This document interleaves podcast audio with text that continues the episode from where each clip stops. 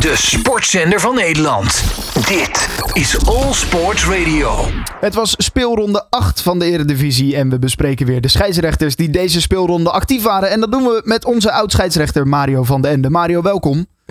Goedemorgen, Dan. Ja, goedemorgen. Ehm, het was, eh, jij stuurde ons de cijfers door via de mail en je begon de mail met het was een slecht arbitrair weekend. Ja, zeer matig, laat ik het zo ja, oké, ja. Slecht schrijf ik niet, maar zeer matig. Eh, ja, er zitten gewoon natuurlijk een aantal eh, ja, eh, ketsers, laat ik het maar even zo zeggen, weer bij die- die, we zo gaan bespreken. Maar, maar ook gewoon een aantal scheidsrechters die, ja, die, waarvan je denkt van ja, op het eredivisieniveau moet, de, moet de arbitrage natuurlijk onomstreden zijn. En dan, dan, dan zie ik een aantal scheidsrechters rondlopen waarvan ik denk, die tikken volgens mij het niveau nog niet helemaal aan. Nee, en er zaten nou ook weer niet zoveel jonge namen tussen. Best wel veel scheidsrechters die al langere tijd meegaan eh, op, op Eredivisieniveau. Ja, ja die zelfs al eh, internationaal eh, ook actief zijn. Zeker. Waarvan ik, waarvan ik dacht van ja, dat. maar goed, laten we ze maar Ja, gaan bespreken. ja. De, de situaties die mij opvielen. En dan ga ik even terug naar de vrijdagavond. Naar FC Volendam tegen FC Utrecht. Ja, binnen vier minuten was er ook commotie. Het was een, een ingreep van eh, Nick Viergever, de verdediger van eh, FC Utrecht. Die, Ja. eh, die kreeg een gele kaart van de scheidsrechter uh, Serdar Koesbejoek. Ehm, maar ja, goed, op een gegeven moment, dan, dan, dat was eigenlijk al, een, een, een- in die wedstrijd, zat in die eerste drie, vier minuten, zag je al dat er iets, ja, heel veel spanning op zat. Hè. Er werden ook overtredingen gemaakt die ook niet helemaal goed, ja, goed werden ingeschat. Maar ja, toen viel dus die gele kaart voor, voor Nick Viergever. En toen kwam de VAR Dennis Hichler op de lijn. En die, die greep zeer terecht in. Want eh, het was in ieder geval een tackle die, eh, ja, die gewoon eh, een rode kaart eh, waarborgde. Ja. En eh, ja, dus wat dat betreft een goede ingreep van de VAR. Eh, inmiddels is eh Viergever ook voor drie wedstrijden, waarvan één voorwaardelijk, eh, geschorst. Dus dat betekent dat eh, na de interlandbreek de eerste wedstrijd eh, FC Utrecht eh, tegen Ajax hij in ieder geval niet van de partij is. En de wedstrijd Nee. later ook nog een keer. Maar je ziet er ook heel gek dat die scheidsrechter, en dat is inmiddels toch best een ervaren scheidsrechter, Koezebejoek, Ja. toch wel een tijdje nodig had om van zijn kant te herstellen van die VAR-ingreep. Het is net of dat eh, dan een soort, ja, hoe moet ik het zeggen, dat hij ervan overtuigd is dat hij gele kaart moet geven. Ja, dat hij dan omgezet wordt in rood en dat ze dat op een of andere manier niet helemaal goed kunnen accepteren. Ja, maar je- ik snap het. Je twijfelt toch een beetje aan jezelf. Als je, als je denkt dat het geel is, je ziet de beelden en je ziet dat het eigenlijk een vrij duidelijke, hier was geen twijfel over mogelijk, dat het een vrij duidelijke rode kaart was. Ja, maar en dat in de vierde minuut, dan twijfel je misschien toch eh, een beetje. Nou ja, jij zegt misschien toch. Ja, ik denk op dit niveau eh, hoor je dus gewoon eh, die rode kaart op de juiste wijze in, in te schatten. Ja, Dus dan hoef je ook die twijfel niet aan jezelf Nee, nee. af te roepen. Maar ik, ik begrijp het wel, maar dan zie je dus in ieder geval dat ook een, een inmiddels toch ervaren scheidsrechter. eh, als hij een, ja, wat weerstand krijgt van die VAR, of hersteld wordt door die VAR, dat hij daar gewoon toch mee rondloopt. En dat zie je dan ook in, in, in 20 minuten lang, dat hij dan loopt te zoeken naar, eh, ja, naar zijn positie in het veld. En met de minste geringste weerstand van, eh, van een, ja, een, een, een speler die reageert, dan gelijk even dat afstraft met geel en het niet meer eh, met zijn mond af kan. Maar goed, dat, eh, dat viel mij dus op. Wat ook in die wedstrijd opviel, en dat, eh, dat was een, ja, een situatie, op een gegeven moment waren er ehm, eh, ja, toch wat omzettingen bij, bij Volendam nodig. Of bij, sorry, bij FC Utrecht nodig. Omdat die speler natuurlijk eruit werd gehaald. Ze moesten Ja. met tien man verder. En toen zag ik op een gegeven moment wisselspeler Jens Toornstra. Die zag ik naast een van de doelpalen bij eh, Vasilis Barkas, de keeper van eh, FC Utrecht, staan. Om te zeggen dat hij een, over, een eh, blessure moest voorwenden. Om even een soort tactische wissel Ja. te krijgen. En ja, dat, dat zie je niet veel. Maar het, het kwam zo raar over. En dat valt me dan ook op dat en de scheidsrechter, maar ook de assistent scheidsrechter, die daar ook regelmatig op die, ja, op die doellijn vertoeft, dat hij dat er niet door heeft. En, ja, een hele vreemde situatie. Die, maar eh, ja. het is een beetje de mazen van de wet zoeken, hè, van de spelregels zoeken. En, ja, maar wat zou je daar dan kunnen doen? Dan toch de doelman eh, geel geven? Nou ja, ja of, of in ieder geval niet toestaan. En, Nee, en- oké, en- en- en- niet de verzorging toestaan. Ja, en de, ehm, hoe heet het? En ook nog eens een keer natuurlijk eventjes de, de, de speler die daar eh, ja, staat te souffleren. Ja, Die mag je ook even stevig eh, aanpakken. En Ja. dat had in ieder geval eh, een hele aardige situatie geweest. En, en ik denk ook voor een scheidsrechter en ook voor, voor een assistent scheidsrechter. Ja, gewoon een enorm pluspunt als je zoiets op de juiste wijze kan tackelen. Ja, Want yes. dat ziet het hele stadion, maar ook niet alleen het stadion. Want zoiets komt ook in beeld. Dus dat betekent dat je gelijk voor de hele jaar eh, zo'n standaard zet. ja, ja, zeker. Ja. Eh Heerenveen NEC gaan we dan mee door. Eh, daar werd uh, mijn inziens een zuivere strafschop over het hoofd gezien toen uh, Heerenveen verdediger Denzel Hall ehm, uh, op de achterlijn uh, NEC-speler Calvin Verdonk ongeoorloofd tegen de grond bracht. Ja, en in de slotminuut uh, ook nog een situatie toen de NEC Dirk Proper hens maakte. Hij controleerde de bal overduidelijk met een uitgestoken hand. Uh, scheidsrechter Mark Nachtegaal, nou ja, wat ik al eerder zei. Tenminste, de, dat is een van de mannen voor wie ik denk dat het eredivisieniveau gewoon nog veel te hoog gegrepen lijkt. Ja, deed beide keren niets. En ook de VAR Laurens Gerrits, ook een jongen die op uh, eredivisieniveau natuurlijk nog niet zijn sporen verdiend heeft. Zag als VAR er vreemd genoeg ook geen aanleiding in om in te grijpen. Ja, en dan denk ik op, dan wordt zo'n wedstrijd toch wel heel erg beïnvloed door de arbitrage. Ja. Hoe, hoe werkt dat? Zit er dan niet naast de, de jonge VAR? Want jij zegt dat is ook nog eigenlijk een, een, een jonge uh, nou ja, scheidsrechter die op eredivisieniveau zijn uh, nou ja, status ja. nog niet verdiend heeft. Moet daar dan niet een iets ervaren uh, VAR naast zitten die ja. daarin een soort mee kan kijken? Want ze zitten daar met z'n drieën in Zeist. Ja, daar zitten er, er, zitten er zelfs nog meer. Maar ik, ik denk dat... en dat heb ik natuurlijk in dit programma en ook, al, ook al toen de VAR zijn intrede deed geroepen. Ja, dat alles valt en staat bij de kwaliteit. Ja. En dat uh, of iemand nou oud of jong is of ervaren niet. Het gaat gewoon dat, dat, dat ze de beste zoeken. Kijk, en uh, de KNVB maakt gebruik van, uh, van over de 30 VARs. Iedereen die het betaald voetbal actief is, kan daar zitten. Ja, en dan zie je dus gewoon regelmatig nog ja, problemen voorkomen die gewoon getackeld kunnen worden. Als je daar gewoon tien goede mensen hebt. En dan denk ik, ze nemen nu dus allemaal actieve scheidsrechters.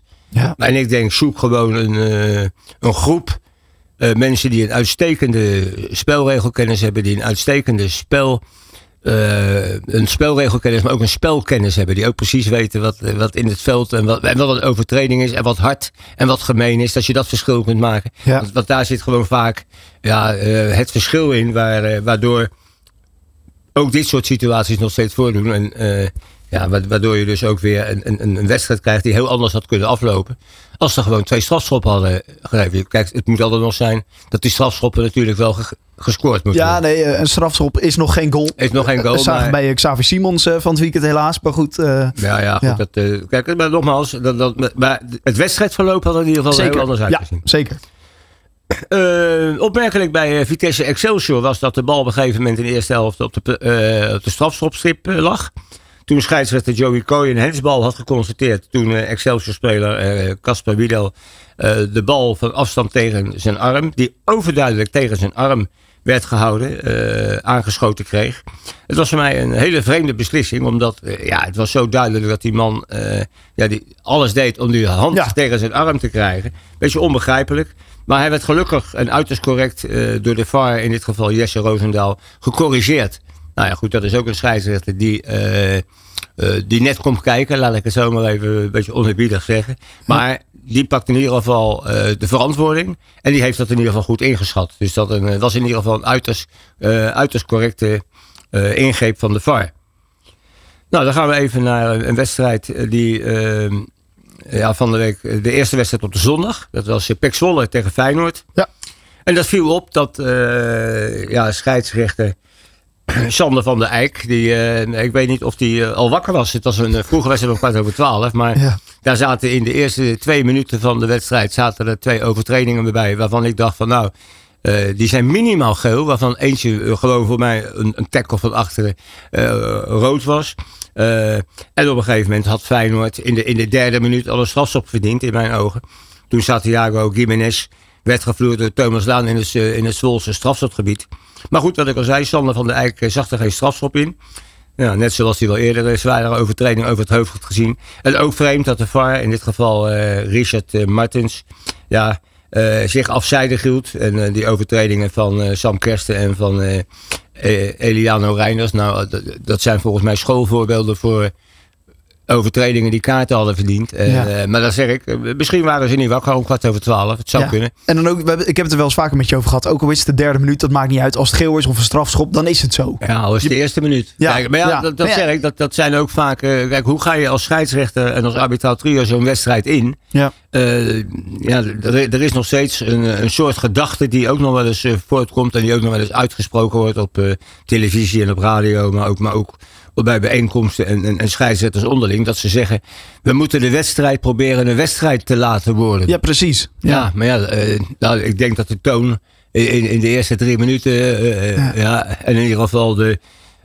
tolerantiegrens, in ieder geval wat mij betreft, ver overschreden was. Want er waren overtredingen bij die gewoon het, ja, waarvan je je hart vasthield van, daar gaan Of, of zware goed ging. Ja, precies. Daar Ja. gaan zware blessures vallen.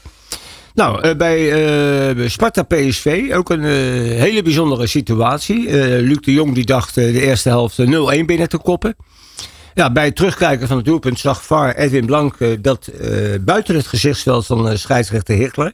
eh, de Spartaan Jonathan de Guzman werd teruggetrokken door PSV en Malik Tilman. Ja, in de VAR-instructie staat dat in de aanloop naar het doelpunt, en als er een eh, overtreding wordt geconstateerd, hij mag eh, ingrijpen, de VAR mag ingrijpen. En dat Ja. deed hij hier volgens de spelregels helemaal terecht. Maar ja, dan krijg je ook weer de dienstdoende commentatoren. Die gaan dan gelijk eh, vragen daarbij stellen van, eh, ja, hoe lang gaat die aanval dan wel terug? Ja, en, dat is- ja. en is het geen tweede aanval? En is het geen, nou, er staat gewoon in de spelregels dat in aanloop naar het doelpunt. Als daar een, eh, dus als die bal bij wijze van spreken in het andere strafschopgebied. Ja, als daar een overtreding zou zijn geweest. Ja, dan mag je dus teruggaan. Er zijn ook situaties geweest dat, eh, de, dat bijvoorbeeld een doelpunt werd gescoord in het linkerdoel. Ja. En dat er nog een situatie werd. Was ooit in de, in de beker met Feyenoord en, Ja, en nog en Vitesse. Ja, Ja, hè? ja, ja, ja, bijvoorbeeld. En, maar ja, er staat dus nergens eh, tijd beschreven.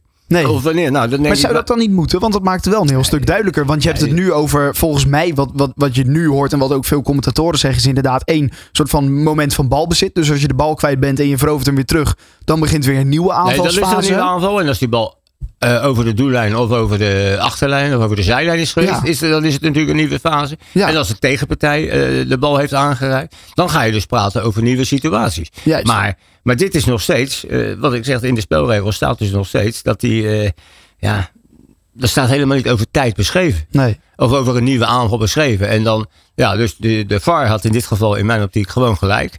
En, eh, maar doordat ze dus vraagtekens gaan stellen hè, als commentator, Ja. ja. dan krijg je dus weer een hele discussie. Ja, dan gaat social media weer los. En dan is het wel hartstikke leuk eh, dat, dat er over voetballen gediscussieerd wordt. Ja. Maar die spelregels die, die staan zwart op wit beschreven. Dus eh, Ja, maar wel interpreteerbaar. nee. Er staat niet, nou ja, er staat niet één aanvalsfase of er staat geen minuten. Of zouden ze dat, ja, zouden ze dat beter dus- kunnen nee, doen? Nou ja, dus is het niet interpreteerbaar.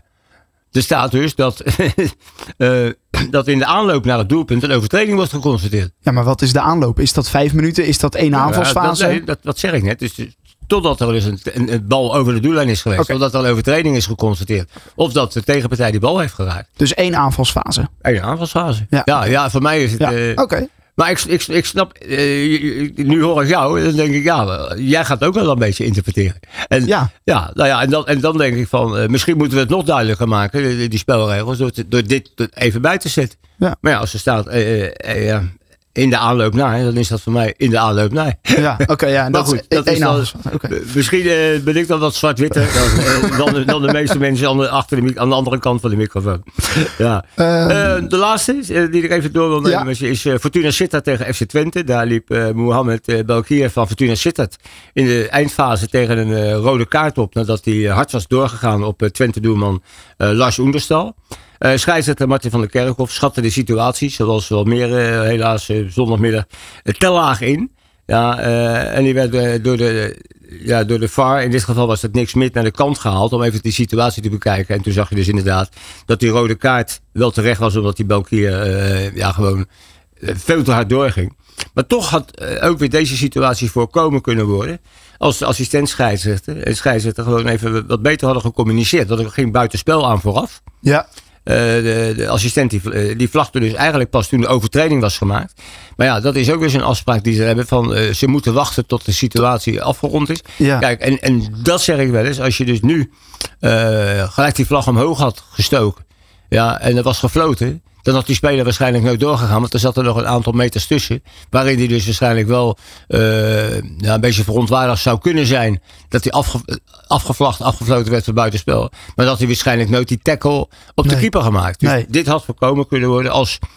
Uh, en dan praat je dus ook over uh, het, het, veranderen van afspraken. Maar goed, dit is nog even de afspraak die ze hebben. Ja, tenzij dus, het heel duidelijk is. Hè, dan mag een grensrechter wel direct vlaggen. Als die echt ja. 100% zeker is. Maar dat ja, durven ze ook bijna niet meer. Nou ja, omdat er natuurlijk een, uh, door, die in, door, de, ja, door de komst van de VAR. Ja. daar, ja, dat, dat vangnet wat nu eenmaal gecreëerd is. Daar maken er eigenlijk in mijn optiek te veel gebruik van. En als dan ook de instructies daaraan aangepast worden. Van wachten, wachten, wachten, wachten met vlaggen. Ja, je krijgt af en toe situaties als je een speler 30, 40 meter ja. achter een bal aan ziet rennen. En dan, Ja. denk ik, dadelijk heeft hij nog een hamstringblessure van die sprint. En dan, Ja. eh, dan is het buitenspel. Ja, dat zijn we die dingen. Daar, eh, het, heeft, het, gaat eh, bij velen tegen het voetbalgevoel in. Hm, En, ja. en, en kijk, en dan krijg je dus ook, denk ik, ook als, als het tegen vo- gevoel ingaat, dat mensen hun eigen mening eh, gaan ventileren en dat ze dat ook gaan interpreteren. En, Ja. ja, maar goed, maar nogmaals, het staat zwart op wit en dan, ja, dan kunnen we daar hoog en laag bespreken. Maar dat hebben we met z'n allen in de voetbalwereld geaccepteerd. En die scheidsrechters die mogen wat zelfverzekerder zijn. Hè? Dat was ook iets wat jij schreef in je column eh, bij het AD.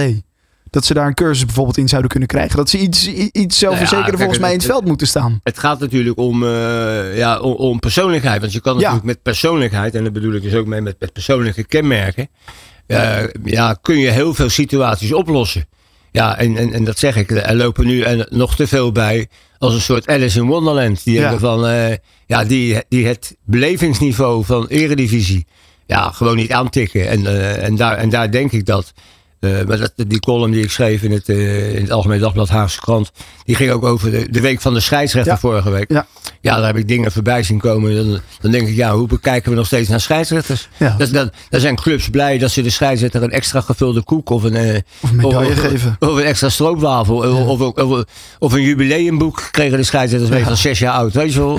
en, ik, en ik heb zelfs nog clubs die hadden medailles gemaakt. Ja, daar stond een, een cartoon van een scheidsrechter in. Ja. Ja, dat, dat- dan denk ik, ja, dan sla je de plank helemaal mis. En dan denk ik dat je als grote eh, sportkoepel en ook de sportbonden ja, veel meer moet investeren in, eh, ja, in de kwaliteit van scheidsrechters. Want dan heeft niet alleen eh, de scheidsrechter, maar ook de spelers en het spel hebben daar iets voor van. Omdat in mijn optiek altijd nog steeds zo is dat hoe beter de arbitrage, Ja. hoe beter de spelers en, de, en het spel zich kunnen ontwikkelen. Zeker.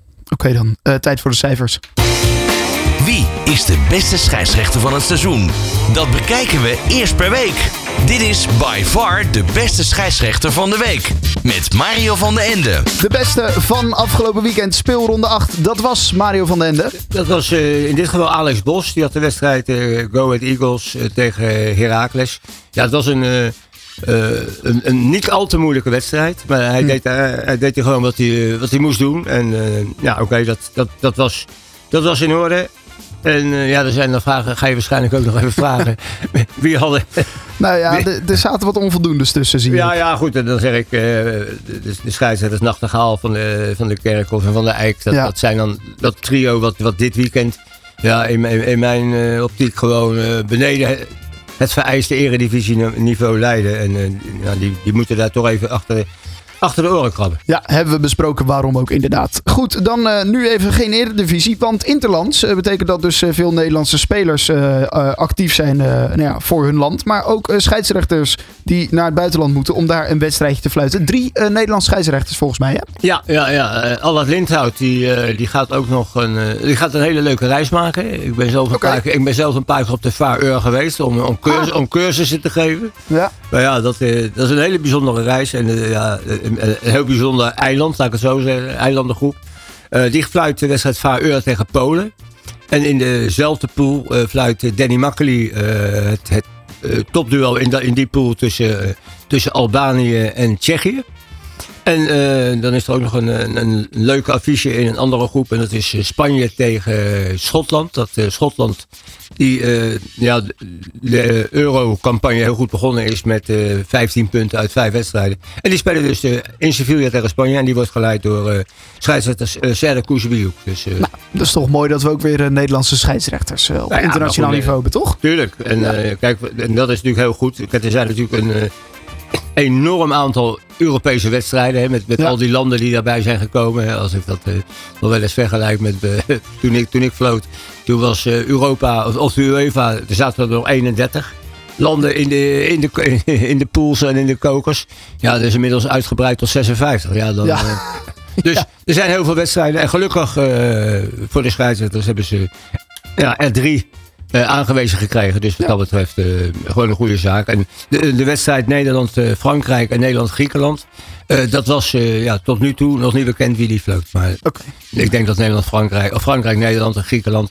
dat daar in ieder geval wel de Europese top aanwezig zal zijn. Omdat dat gewoon twee eh, eh, hele essentiële wedstrijden zijn. Ja, zeker in eh, die pool inderdaad. Goed, eh, dan spreken we jou over eh, twee weken denk ik weer voor eh, speelronde 9 van de Eredivisie. Tot dan Ja. eh, Mario. Oké, graag gedaan. Dit is by far de beste scheidsrechter van de week. All Sports Radio.